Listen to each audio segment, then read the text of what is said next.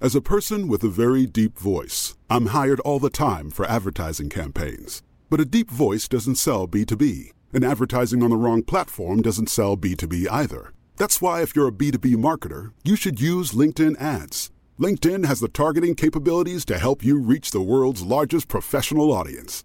That's right, over 70 million decision makers all in one place. All the big wigs, then medium wigs, also small wigs who are on the path to becoming big wigs. Okay, that's enough about wigs. LinkedIn ads allows you to focus on getting your B2B message to the right people. So, does that mean you should use ads on LinkedIn instead of hiring me, the man with the deepest voice in the world?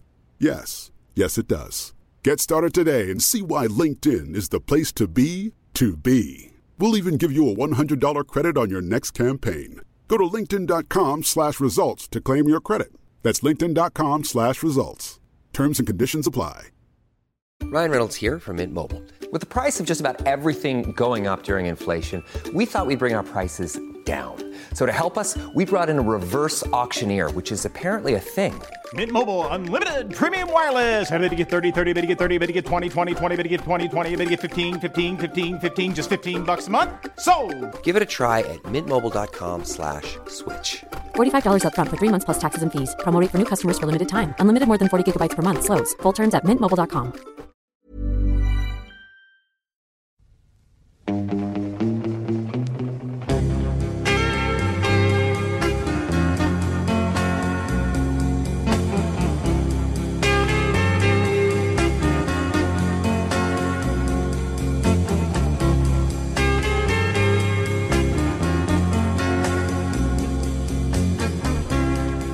Välkomna till Glappet, programmet för oss föräldrar som känner att vi behöver veta lite mer om våra barns värld. Och eh, jag heter Fredrik. Jag heter Matilda. Du, eh, Mm. jag tänkte... Eh, I somras så landade jag ju i eh, ljudböcker. Just det. Jag har läst... Jag eh, med faktiskt. och- Fast oberoende av varandra har vi gjort det. Ja. Båda två. Det är helt sjukt. Ja. Och jag, jag har läst Leif GW Perssons alla böcker. Mm. Eh, Jag har I ett läst- streck faktiskt. Jag har läst eh, eh, två biografier och sen har jag läst min all time favorite bok. Jag har två all time favorite böcker. Den ena är Blond av Joyce Carol Oates. Mm. Den andra är Den som vandrar om natten av Marie, Marianne Fredriksson. Jag förstår. Jag Och förstår, den in- har jag lyssnat om och den är så jävla bra. ja, jag förstår ingenting Nej, av vad du precis. pratar om. Men du kommer att lyssna på dem nu Okej, när jag har Jag tipsat. förstår. Och jag ska lyssna på GB. Men Mm. det som slog mig eh, efteråt var så här. Eh, har jag verkligen läst? Jag har tänkt exakt samma sak. Ja. Mm. Och det är ju superspännande att vi har Ann-Marie Körling här. Ja. Läsambassadör, författare och lärare. Woho! Hej! Välkommen! Tack! Du, Roligt att vara här. Du, eh, så här. Vi är ju supernyfikna och lära oss mer om det här med läsning. Eh, som alla pratar om hela tiden och jämt. Med Mm. det här läslov och eh, sådär. Och om du skulle så här, beskriva hur viktigt det är att lära sig läsa till att börja med. Mm. Det finns ju, man får ju dela upp det lite, att lära sig läsa, alltså att avkoda text och Mm. kunna, men att läsa genom att lyssna, det är ju också att läsa. Så det som ni har gjort nu, att lyssna på böcker, det är ju att eh, få, få lyssna på berättelserna. Det är ju också att läsa. Vi, vi, vi måste vidga det här perspektivet lite grann. Eh, men i skolan ska barn få lära sig läsa och få lära sig hur man läser och hur man läser på olika sätt och många olika texter naturligtvis. Och lyssnandet är ju också att få, då kan man ju lyssna på mer avancerade saker faktiskt än det som man kan läsa själv. Så det är otroligt viktigt att vi både utbildar i hur vi läser och att vi läser mycket för barn och Just det. Mm. Men och, och, eh, samtidigt så tänker jag ju så här att när man eh, lyssnar på böckerna eh, så eh, gör ju jag det. Jag, jag för det första läst i traditionell mening väldigt lite. Men plötsligt så läser jag jättemycket med ljudböcker. Men det betyder ju att jag har problem med avkodningen. Mm, kan men- man, man kan ju inte lära sig avkodningen genom att bara lyssna. Nej, Eller? men man kan bli intresserad av litteratur Ja, det kan man bli. naturligtvis. Och eh, vad som händer när du lyssnar det är ju att eh, du får ju bokens ja, grammatik och ordförråd Ja, och just sådär. Så talspråket skiljer ju sig från det skrivna språket. Därför Mm. Det är ju mer tydligt och beskrivande och du får, det vimlar av ord i böcker. Och de kan du ju lyssna på och så. så men, det- men vad händer om jag börjar eh, ljud, med ljudböcker helt? och bara skippar. Ja, men det gör ju Texten. barn. De börjar ju med ljudböcker fast de, det är ju liksom föräldrarna som är själva... Ljudböckerna. Ja, exakt. Så, och det vet man ju att eh, det första är ju att man blir intresserad som barn. Mm. Vi delar intresse mellan pappa och mamma eller ja, vem det än är som läser. Det här är någonting vi gör tillsammans. Och sen är det bokens berättelse som kommer ut när Mm. man läser. Och den är ofta samma. Alltså, det, det blir inte eh, någon annan handling än den handling som man första gången hörde. Så på det viset så är man ju trogen den text man läser. Mm. Och det tror jag är jätteviktigt faktiskt. Okej. Mm. För jag tänker också, mitt eh, äldsta barn lyssnar jättemycket på ljudböcker. Mm. Eh, nästan som en sån här, första gången jag gör någon på morgonen så sätter de på en ljudbok. Mm. Ehm, och då, jag funderar också på det, samma som Fredrik, men utifrån lite eget perspektiv också. Jag är väldigt dålig på att stava, jag har svårt Mm. för att stava. Mm. Dubbelstavar allting ifall. Det är Mm. lika bra att slänga ett extra Mm. M så att man har det ändå Mm. gjort Mm. det liksom. Men jag, jag, vi pratade innan jag och Fredrik och då är det så här, till exempel så undrar jag då, varje gång jag ska skriva Afghanistan, det är Mm. inte skitofta jag skriver Afghanistan, men det var det ordet jag kom på, så funderar jag på var H sitter i Afghanistan. Sen finns det ju människor som inte alls funderar på det, utan som bara Nej. skriver eh, H på rätt ställe, Ja, utan vad det verkar, minsta eftertanke. ja. Och då tänker jag, är det dåligt för mig då att lyssna på böcker, eftersom jag kanske behöver se bokstäverna Ja, men- och orden? Behöver se H. ja precis. Afghanistan. Var- Spana efter H. Ja, Ehm, så nej, men, förstår du ehm, frågan? Om du följer med texten så kommer du ju se kanske att det finns ett H. Ja, men då måste jag ju läsa texten, då kan jag ju inte lyssna på en bok. För då ser jag ju inte Ja, bokstäverna. Men jag, jag, vill, jag vill ändå Ja. dela upp det där med Ja. vad det är man gör när man lä, lär sig läsa och vad, man, vad det är när man lyssnar. Mm. Eh, jag vet att eh, eh, intresset för språket finns ju hos författare. Till exempel Lennart Hellsing, han kunde ju inte stava. Då gjorde han, tog han ju längre ord för att då blev det eh, då kunde man eh, bokstavera dem. Mm. Eh, konstantinopelianska. Alltså då, då blir det ju jättetydligt. Och att inte kunna stava till exempel, det betyder ju att ja, men då måste vi ju samtala med Mm. varandra. Man måste ju fråga. Och jag tror att risken med eh, ja, vilken skolgång man har haft är att man har fått liksom en bock i kanten när Mm. man har frågat. Mm. Men vi frågar ju hela tiden, hur stavas det? Och vi, när vi skriver på våra datorer så får vi liksom, vänta det är rött det. här. Mm. Det är ju på något vis liksom, titta här nu. Och så kanske man inte håller med, eller så frågar man, vänta hur stavas det här? Eller så börjar man söka, hur stavas det? Men det här Det- att det inte fastnar hos mig. Alltså jag har ju, det är inte så att jag, jag, jag har skrivit Afghanistan många gånger, eller andra ord. Till exempel samarbete, ska, svara- alltså jag står alltid fel på det. Dubbel-M, eller sjukdomar, dubbel-M. Så Men det går, fel. det går att läsa att det står samarbete. Ja, det gör det Ja. absolut. Ja, det gör det. Ja, och då tänker jag så här, då har du ändå, jag menar, och vi kommer ju redigera varandras texter. Mm. Alltså, jag tänker, om jag, om jag vore din lärare ska jag säga, ja, du, Mm. du skriver och jag kan läsa det här. Då det. kommer jag läsa upp det för dig. Så att vi förstår varandra rätt. Okej. Och är det någonting som ska ändras, då visar jag så här, man kan skriva så här och så här. Mm. Vilket tycker du ser korrekt ut? Och för att man har ofta en bild ändå av att det här stämmer inte. Men man vet inte vad det är som stämmer. Och då kan man rita ut, ja men man gör inte det. Man vet verkligen inte. helt med om den Så att om jag skriver samarbete eh, och så får du titta. Då, då, det är min erfarenhet med elever.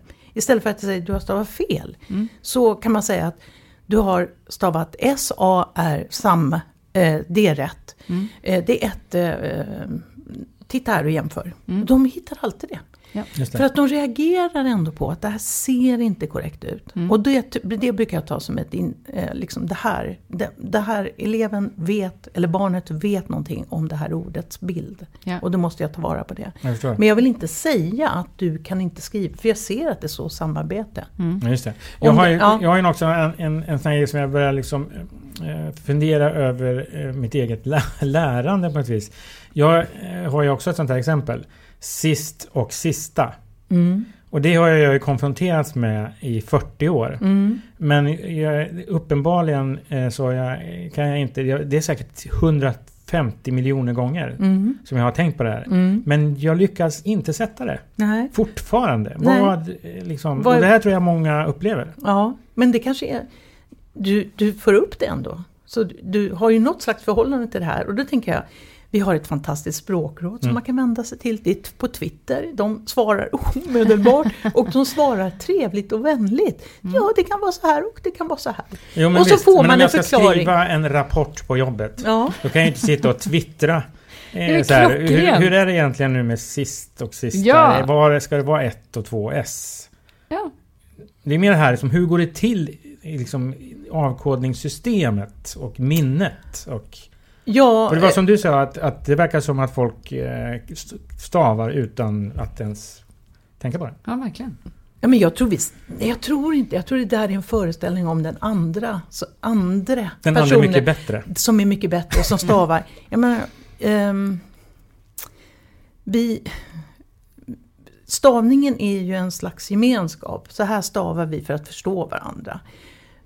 Men när jag skriver, jag måste ju, menar, det finns ord som, men vänta hur stavas det? Plötsligt ser ordet konstigt ut bara. Det är inte säkert att det är, det kanske är korrekt stavat, det ser bara ut som, stavas det verkligen så här? Och då går man och kollar Okej. det. Och jag tror, men jag tror när man har så här, hur ska det vara med det här? Det här brukar jag vara osäker på. Då, är man, då blir man alltid osäker på det. Och då är det Mm. väl bara att sätta upp en sån här, två lappar, sist och sista. Och Nu var det ju bara ett exempel här. så Ja, jag får vet, jag jävligt vet, många jag lappar. vet, jag vet. Ja, men det gör ingenting. Det gör ingenting. Men du undrar ändå. Ja, och då, men jag, jag tycker än- ändå att det är så att... eh, Men stavningen blir otroligt viktigt när det gäller att söka på nätet. Till exempel. Just det. Det, då är den jag av, och det måste man ju lära sig. Att du, kommer inte, du kommer inte rätt om du inte stavar. Då rätt. Och till exempel att koda är ju också en slags nollor och ettor som måste vara helt korrekta. för att man Så man kan ju diskutera betydelsen. Och det tror jag barn är. De är ju, barn eh, tycker om att veta varför egentligen. Varför man, men sen vill de också bli förstådda. Så skriver man ett barn som skriver, ett litet barn, de vill ju att vi förstår, att, att vi förstår vad de har skrivit. För de vill ju kommunicera. Det är ju det, jag har skrivit en lapp till dig. Jag älskar dig. Eh, men det är jättesvårt att förstå att det står det. Och då måste man liksom möta det här barnet som en skribent som man ökar dialogen med, för att det är inte självklart vad som står. Så att man inte liksom, du har inte skrivit rätt, men man kanske ska skicka en lapp tillbaka så här. Jag älskar dig också. Mamma eller pappa. Då kan man se så här, ska vi jämföra våra lappar? Och då, det kan vara ett sätt. Men jag tycker man ska göra sitt bästa för att förstå varandra. Ja, Att hitta strategier eh, som Ja, ve- utvecklar mer Ja, än ja. sänker. Precis, och, och det som är gjort är gjort, tänker jag alltid. Mm. Och det tänker jag som lärare också. Har man, jag menar, det är, fram, det är i nästa gång som vi kan utvecklas. Mm. Inte det vi redan har gjort, utan i det som kan komma. Mm. Är ni med på vad jag menar? Ja, jag att man hela tiden lägger det, inte i att du misslyckades, jag fattar inte vad du har skrivit. Men om du och jag samtalar om det, så kommer jag förstå vad du ville säga mig. Mm. Och det är jätteviktigt att visa på viljan. Jag vill förstå. Mm.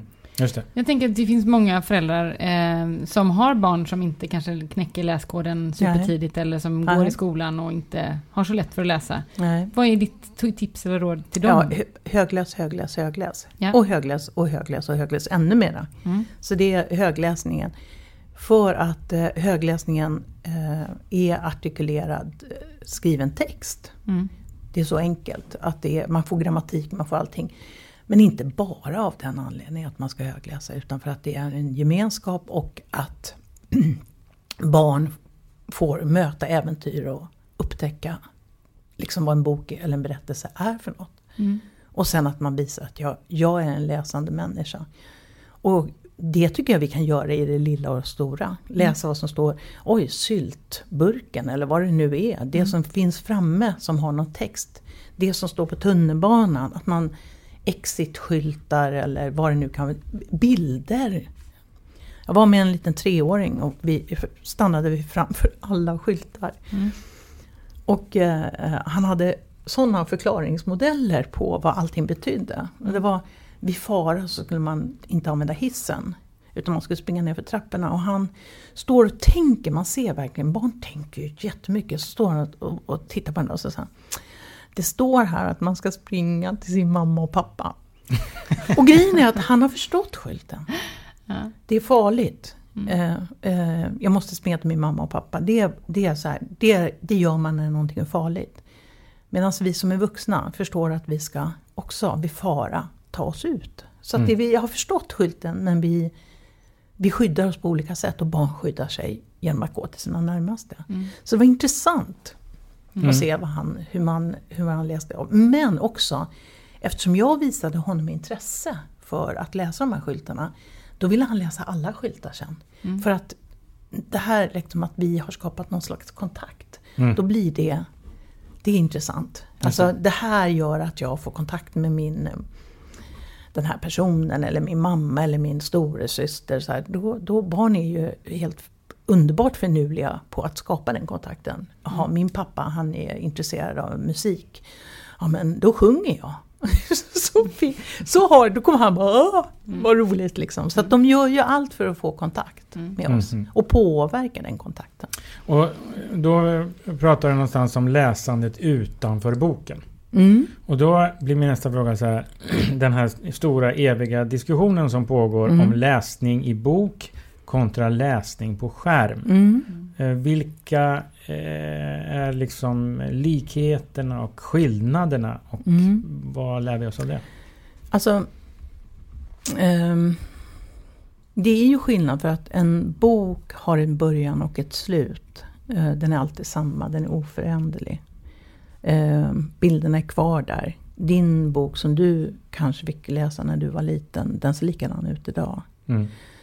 Ehm, så att eh, det är, den är oföränderlig. När man läser på skärmen så kan man ta sig snabbt förbi det som man är ointresserad av och bläddra vidare. Eller, och man kan också ändra i den texten. Ehm, jag har Barn läser ju överallt men när jag har sett dem läsa så är de, eh, de läser på olika sätt när de läser på skärm. För det brukar jag titta på. Och när de läser Vad böcker. är, vad är skillnaderna? Nej men de är, det, det är lite... mm, Eh, nu, har, finns det, nu vågar inte jag säga om det finns forskning på det, men det går lite så här...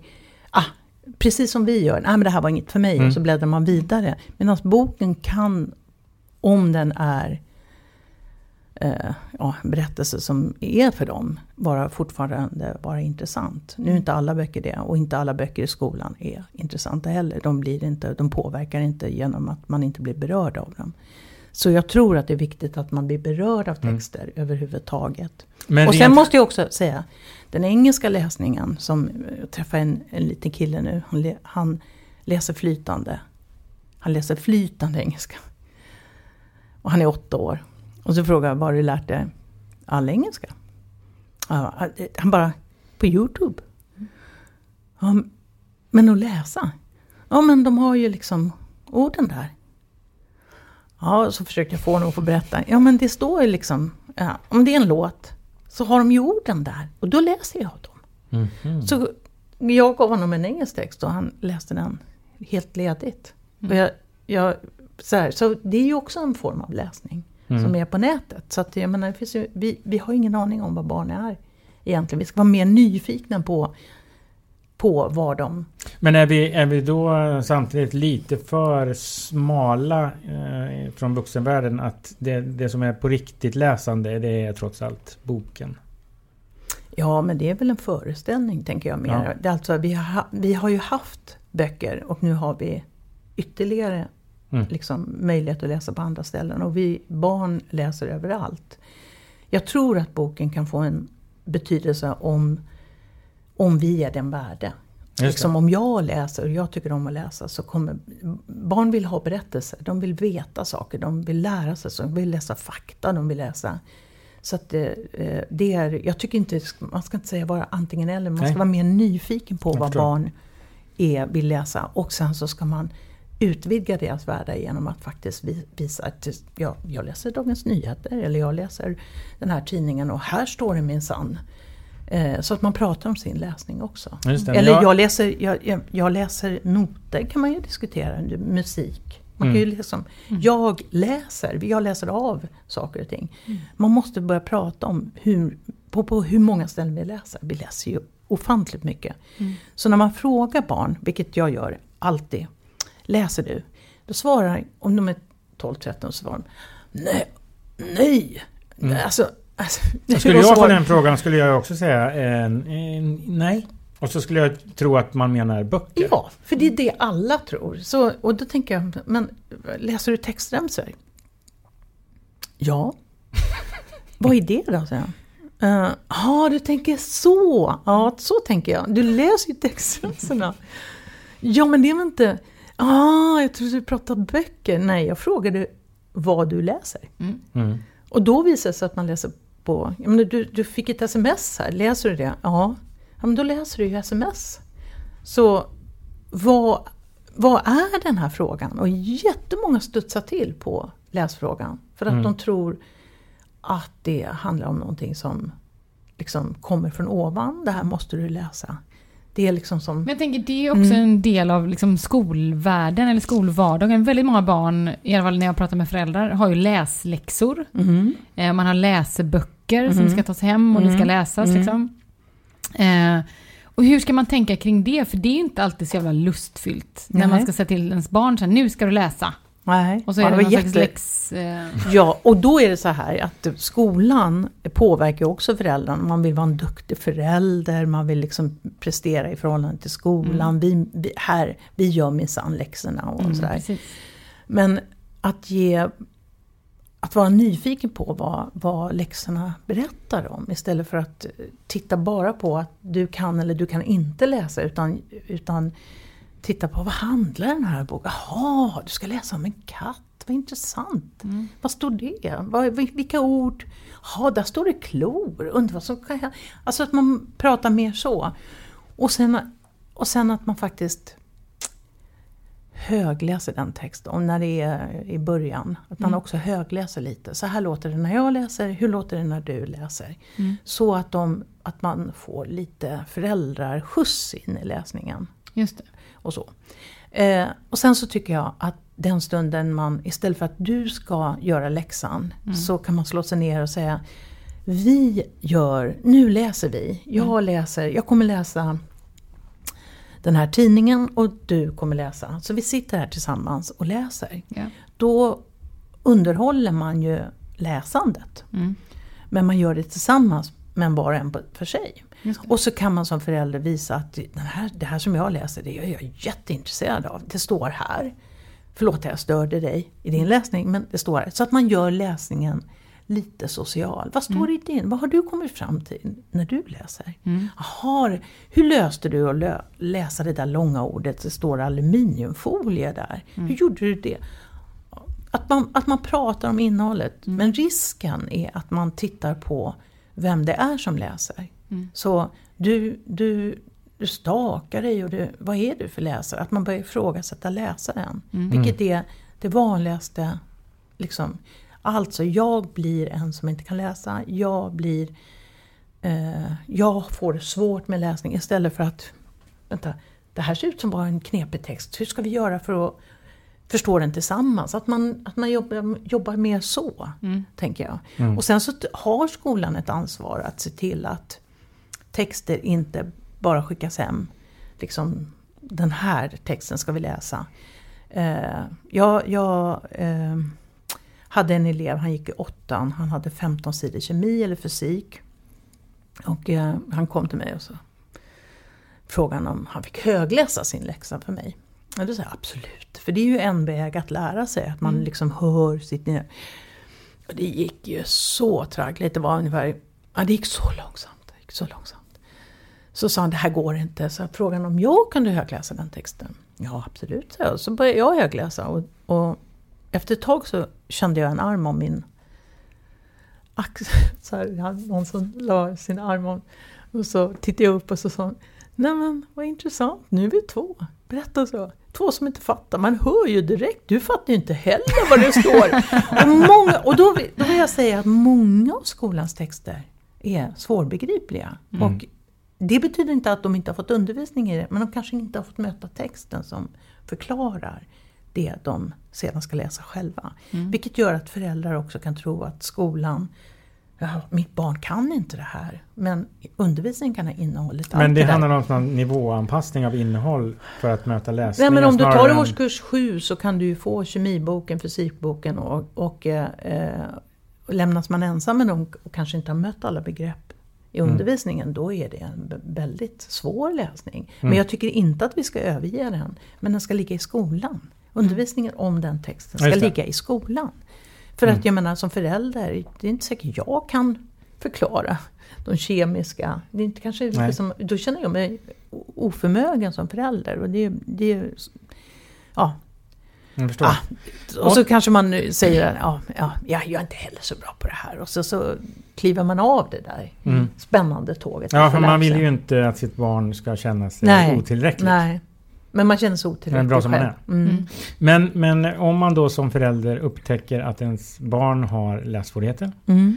Eh, och man tragglar och man Mm. jobbar med det Mm. och man är intresserad. Mm. Men man märker på signalerna att eh, mitt barn uppfattar inte att den får den hjälp den faktiskt behöver i skolan. Mm. Eh, trots allt Mm. så är det ju människor som jobbar i skolan Mm. och alla är olika. Hur bör man förhålla sig då som förälder till skolans Alltså, skyldigheter? För det är någonstans ansvar och skyldigheter. alltså upptäcker man det så tycker jag man ska absolut så fort man bara kan prata med, berätta om sin oro.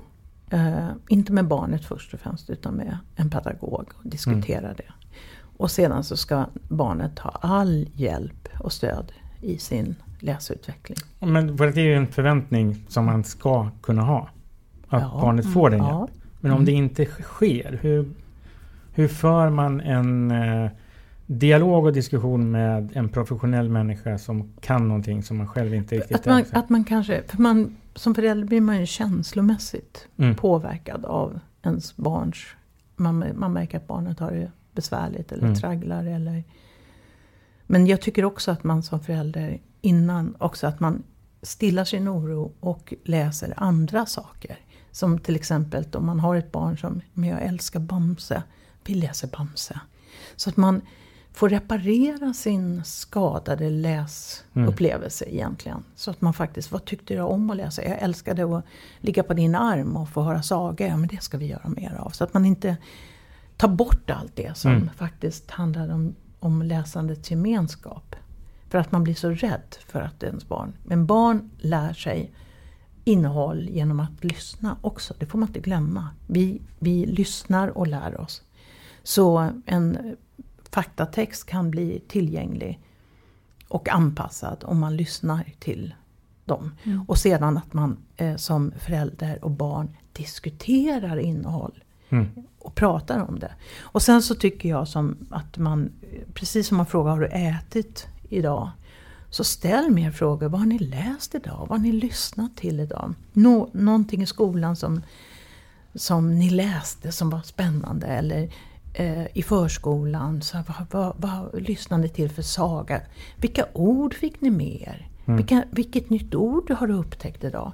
Så att man visar att man, är, man ställer sådana frågor som möjliggör för eleven eller barnet att svara. Det tycker jag är jätteviktigt. Just det. Men, men, och sen skolan har eh, skyldigheter. Eh, Så att, eh, jag hoppas bara att man kan få möta någon som verkligen tar den frågan på allvar. För det är skolan skyldig att göra.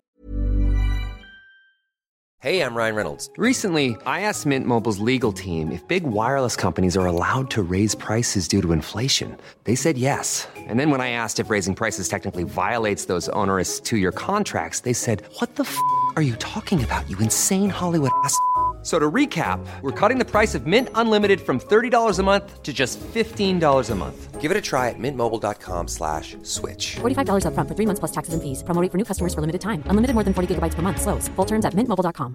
As a person with a very deep voice, I'm hired all the time for advertising campaigns. But a deep voice doesn't sell B2B, and advertising on the wrong platform doesn't sell B2B either. That's why, if you're a B2B marketer, you should use LinkedIn ads. LinkedIn has the targeting capabilities to help you reach the world's largest professional audience. That's right, over 70 million decision makers all in one place. All the big wigs and medium wigs, also small wigs who are on the path to becoming big wigs.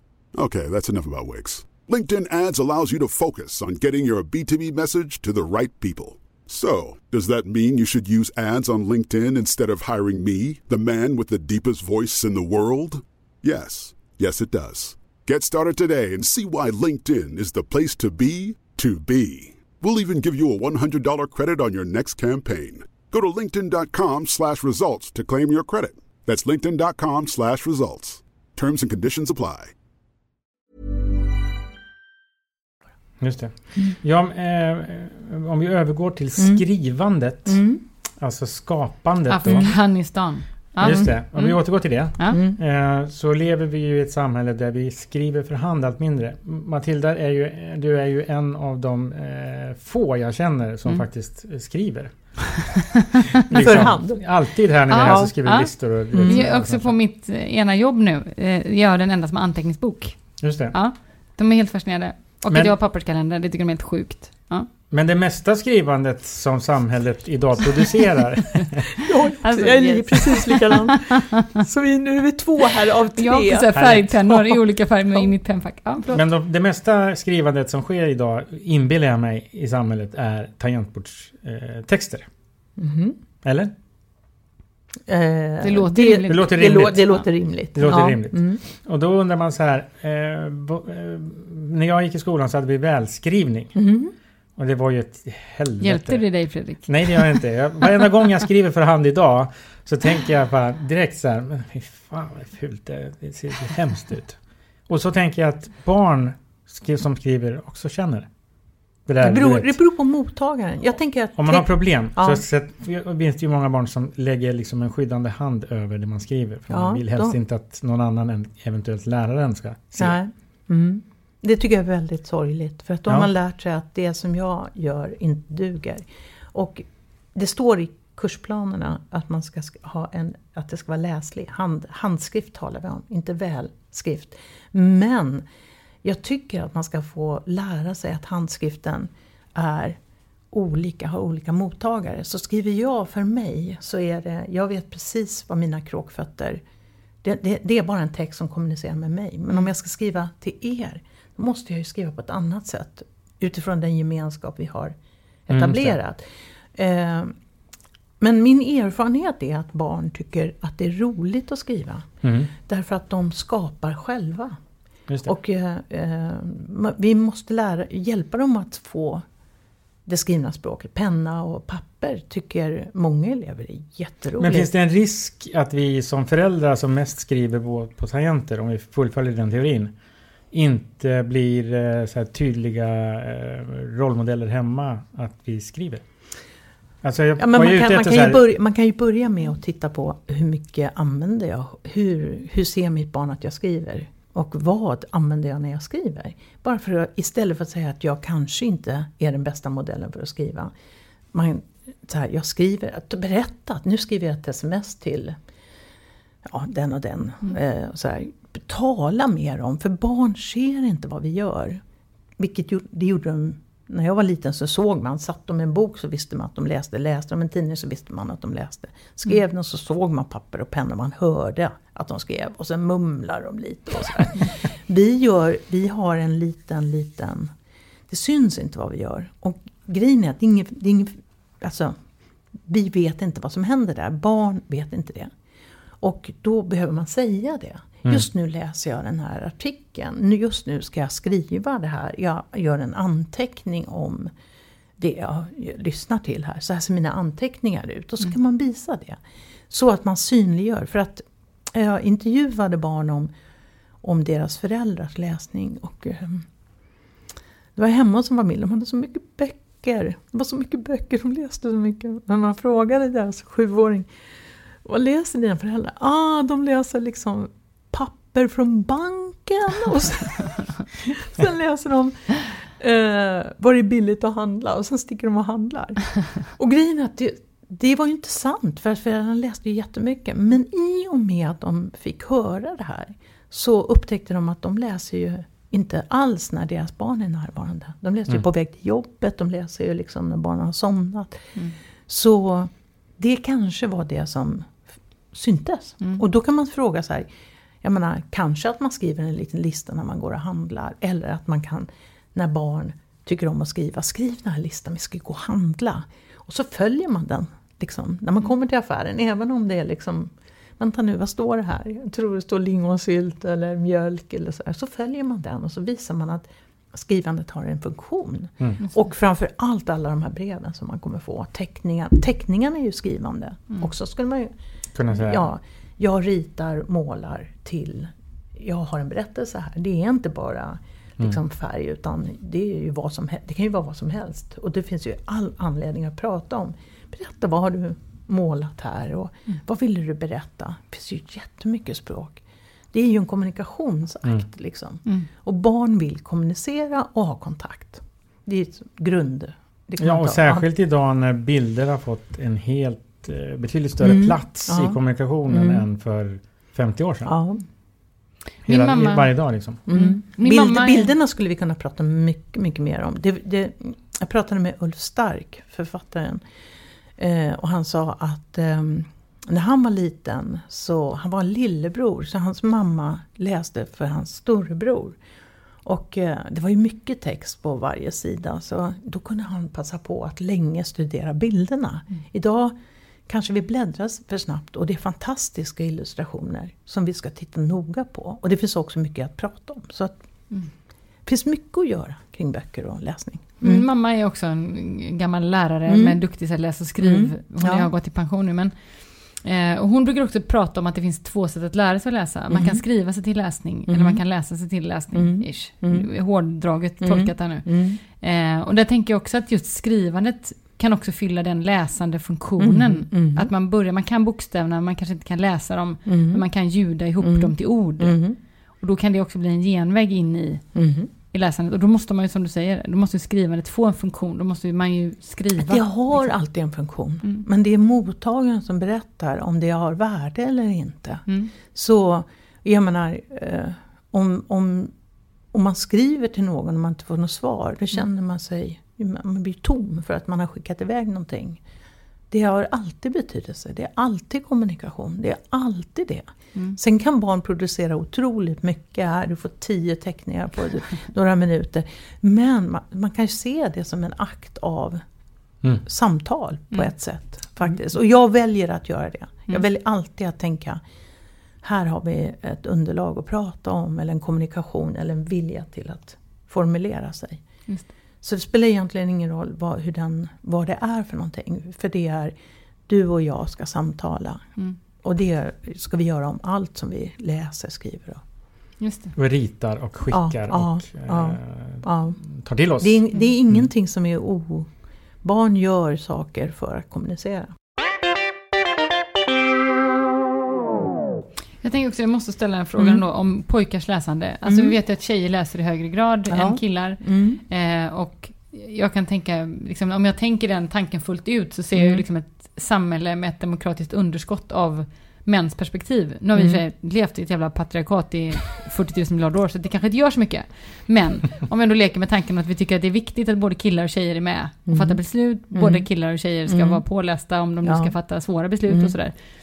Hur tänker du kring pojkars läsande? Och vad betydelsen det, av det är att börja? jättes- och, Det är en jättestor fråga. Eh, Jag tycker att det är allvarligt om ett barn som går i skolan som eh, vars utbildning handlar om text överhuvudtaget. Varenda lektion är en textbok. Varenda lektion är, du ska läsa de sidorna. Varenda lektion, matematikens problem som är, ja, det finns en tid när man kan eh, räkna utan att läsa. Mm. Alltså, och, då, och sen så kommer textläsningen och så funkar det inte.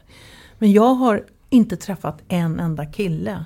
Jag har träffat så många killar som inte kan läsa. Mm. Jag har inte träffat en enda som inte vill kunna. Nej. Och det tänker jag, så här, var, och då har jag frågat, var, hur kommer det sig, vad, vad gick fel då? Nej men då har de fått höra kanske att um, deras specialintresse inte var så roligt och så blir de sårade. Och det, oftast är det något, man är sårad över något. Och då Ja. är det bättre att ta reda på var gick det fel? Mm. Istället för att ta reda på var, var hur mycket ska vi, liksom, du måste börja läsa. Eh, Men det var en kille som jag pratade med som sa det att eh, ja, men jag, när jag läste böcker så blev jag vän med dem som jag läste om. Jag Mm. blev vän med dem. Och eh, vi, vi var några stycken som läste samma böcker. Jag tror det var om Habib, eh, en bok om Habib. Det fanns flera stycken. Och när han hade läst slut dem där så läste han om dem. Mm. Och sen så fanns det ingenting för honom att läsa. Och då, då sa jag, vad hände då? Ja men man kan ju inte bara överge en kompis. Nej. Och det var, det var så här, jag, det fick mig att tänka så här, men vänta nu, jag är ju vän med den här. Han är liksom med oss och man kan inte bara överge. Nej. Och då frågar jag, hur hade du kunnat gå vidare? Ja, om någon hade sagt så här, ehm, vill du ha en ny kompis? Det. Och det är en helt annan sak. Du vill ha en ny bok? Nej, men jag vill ha en ny kompis. Mm. Hade hjälpt honom. Alltså då måste man ha koll på hur de läser för att veta. Och Men sen, är det här ett vuxenproblem då? Är det vi vuxna som är för dåliga på att skriva bö- böcker för killar och erbjuda böcker Det för vet jag killar? inte. Eller är det liksom... det vet jag inte, men, men jag tror att många får höra att du läser inte som du ska och du läser inte på det sättet du ska. Ja. Och då är det, jag brukar prata om, eh, jag har intervjuat, alltså, ända sedan jag började som lärare så har jag intervjuat läsare, unga, unga läsare. Men i alla fall, och det är precis, du pratar om det här att man skriver och skyddar. Det är precis som att, kom inte och titta vad jag läser för jag skäms över det jag läser. För jag läser förmodligen inte på det sättet som jag ska läsa. Ja. Alltså det har kommit det här, det är för svårt eller för lätt eller du läser för lätt, man blir misstänkliggjord. Medan bokens berättelse, den vill ju bara berätta. Och det spelar väl ingen roll om den är lätt eller svår då. För, förstår ni vad jag menar? Ja, alltså, om det står här i den här boken så kan du läsa allt om det här. Men om jag kommer dit och säger ja det där är för lätt, du ska ha mer avancerat. Och Mm. då, det har ju inte, man läser ju inte så, man läser ju för att man är intresserad av innehållet. Därför tycker jag att man ska fråga mer, berätta om boken du läser. Mm. Hur, hur hittar du den här? Vad, alltså så att man förstår vad som är intressant eh, i böcker. Mm. Och jag måste säga det att jag, eh, min erfarenhet, jag har jobbat med jättemånga killar. Det är att de vet inte hur de ska liksom, när, när det har blivit så här fel, hur de ska reparera det själva. Mm. Och det är sorgligt. Mm. Så jag får ofta frågan så här, hur, hur kan man göra om man inte kan läsa? Och så att erbjuda, liksom så här, har du lyssnat på den här boken? Det var någon kille som sa, jag brukar, jag brukar när, när vi snackar om böcker i skolan, då brukar jag lyssna jättenoga för då får man i alla fall lite hum om vad böckerna handlar om. Och när de kommer upp i något annat sammanhang så kan man liksom, ja men jag, hör, jag, kan, jag kan vara med i det här samtalet ändå, för jag har ändå hört lite om den här boken. Du Matilda, innan du eh, kastar in på eh, de här punkterna sammanfattande. Ja. Så jag måste ändå säga att jag har eh, kommit ytterligare ett steg i eh, mitt läsande för min dotter. Är det sant? Ja. På vilket sätt? Jag kom ju en bit förra gången Ja, när vi exakt. pratade med Josefin Sundström. Ja. Eh, och eh, nu läser jag mer, eh, även mer närvarande när jag läser Mm. med henne. Och det märker jag på henne att det gillar hon. Mm. Eh, och nu har jag kommit på någonting annat. För att Mm. när vi läser Nalle Puh när han äter all honung och fastnar i, i det här hålet. Mm. Eh, så på en sida varje gång vi läser, vi läser den där nu typ varje kväll. Mm. Så är det en bild när kanin står lite längre bort och är mindre. Mm. Och då undrar hon varje gång vi kommer dit så här. Där är kanin, men en liten kanin. Och jag liksom har inte ens eh, reagerat på det. Jag tänkte bara, fan vad underligt liksom. Vad hon menar med det. För Mm. kanin är ju närmare i de, på de andra sidorna. Och när vi, så då är hon ju stor. Se va? vad, vad de upptäcker. Ja, just. Mm. Och nu tänker jag då att då ska jag ägna mig åt det här nya som jag lärt mig. Det vill säga social läsning. Mm. Just det. Att fråga Mm. henne om hur menar du? Mm. Eh, berätta. Istället för att förklara, vet du, börja låta Ist- henne Ja, för att jag vet inte hur fan jag ska förklara Nej. att kaninen är liten där och stor på en annan sida. Men, Hur fan ska jag förklara det för en två och ett Precis. halvt åring? Det är men jättesvårt. två, hon är två och ett halvt. Mm. Eh, du, du kan pröva också att säga, "Vill- du läsa den här för mig? För att de har ju, de memorerar, har man hört den många gånger så helt plötsligt så börjar de läsa den själv. Mm. Och då hör man exakt, nästan ordagrant. De kan Mm. följa helt ordagrant. Det är säkert att de förstår alltihopa, men de säger det. Säger, säger de ord och meningar och ordföljder. Eh, oftast mer än vad de pratar. Så Mm. kan man, också man kan höra det i leken när de leker. Att, Mm. att ord från litteraturen blir ord som de leker med i sin de tar vidare. Ja, de tar vidare. Men jag, hade, jag läste för en, en liten, jag läste samma bok varje gång vi träffades. Och eh, eh, när hon kom hem så sa hon så här. Betjed ej gräsmattan. Det hade stått på en skylt i boken, beträde, ej gräsmattan. Och då så här, lycklig, nu är det du och jag, beträde, ej gräsmattan. Och jag tänkte så här, det, är så här, det var så stora ord för den här lilla, liksom, ord som vi inte ens använder. Jag tycker det var så fantastiskt. Liksom. Beträde, ej gräsmattan. Det är bra. Ja, det Du, är det. Din lista. Ja, Vi bör- vi börjar närma oss den, tycker jag. Ja, jag, ni, jag, ja, jag vet inte vad jag ska säga. Alltså, I'm blown away. Nej men jag tycker det är jävligt mycket smart som har sagt, alltså inte så mycket av av mig kanske Fredrik, men av dig eh, Ann-Marie. Jag tycker det är, vilket härligt poddavsnitt. Eh, jag tänker att jag ska så här, namedroppa lite grejer. Mm. Eh, som är värt att repetera. Yes. Eh, barn vill vara delaktiga och förstå. Mm. Bra. Ja. Då behöver vi inte bli irriterade när de ställer frågor. eller samma fråga om kanin för 84 gången. Utan vi får tänka, de vill vara med här. Mm. Ja, och det är ju något som är bra. Yes.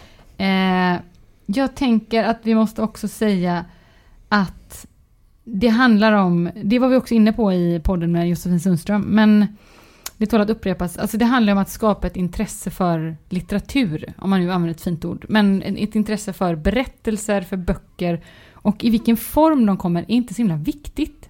Mm. Om det är sagor på paddan, eller om det är sagor i lurarna, eller om det är en bok, eller om det är vad det nu kan vara. Det är inte så viktigt. Det viktiga är eh, att vi tillsammans liksom gör berättelserna levande och talar om dem Just. eh, med våra barn.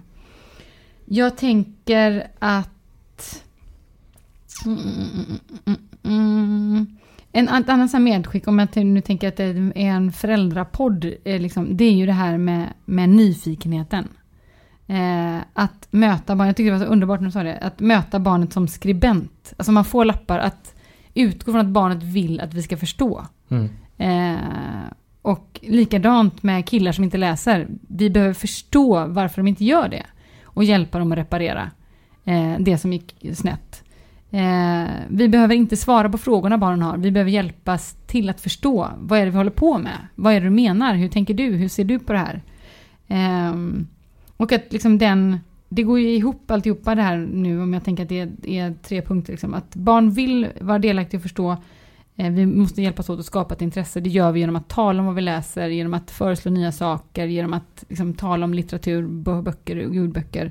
Och att vi liksom, kopplar tillbaka till att vill man, utgår man från att barn vill det, vara delaktiga och förstå, så behöver man inte heller som vuxen ha alla svar. Mm. Men man behöver bli, man, vi, jag behöver bli bättre på att ställa frågor. Och de frågorna behöver inte vara så himla avancerade. Utan det kan vara ganska mycket här och nu. Hur upplevde du det där? Mm. Vad ser du på den här bilden? Och det tycker jag, liksom, läsning kan kännas ganska svårt tycker jag som förälder. Med barn i skolan och så. Det ska, de, och så kommer det nationella prov nu i år tre, min, min äldsta går så. Alltså det finns mycket som liksom är kopplat till prestation och läsning i den skolvärld vi lever i. På gott och ont såklart. Liksom. Och då tänker jag att det här poddavsnittet, liksom många andra poddavsnitt vi har gjort, på något sätt avdramatiserat det. Mm. Jag känner mig lite så här lättare, Mm. lite lugnare Ja, genom att liksom komma tillbaka till att det är inte svårare än att vara intresserad. alltså, liksom. Nej, och det är tillbaka på det som vi har pratat om i andra poddar, handlar om tid. Mm. Eh, och jag, och det, det är skitsvårt liksom. Jag har inget bra svar på hur vi skapar oss tid. Men det är ju någonstans där även nyckeln hit ligger. Mm. Tid och Det tål att intresserad. repeteras Ja. hela tiden. Så Ja. vi förstår. Får man säga något om det får man Ja. verkligen. Ja, till exempel om du lagar mat. Mm. Så läser du någonstans. Men Mm. läs det högt. Mm. Då läser du ju text och säger åh jag måste läsa, hur gör jag den här mat, maträtten? Det behöver inte vara så att barnen behöver förstå att det är två deciliter exakt vad det är. Men de hör att du läser. Just det. Du, de hör att du använder text i din vardag. Mm.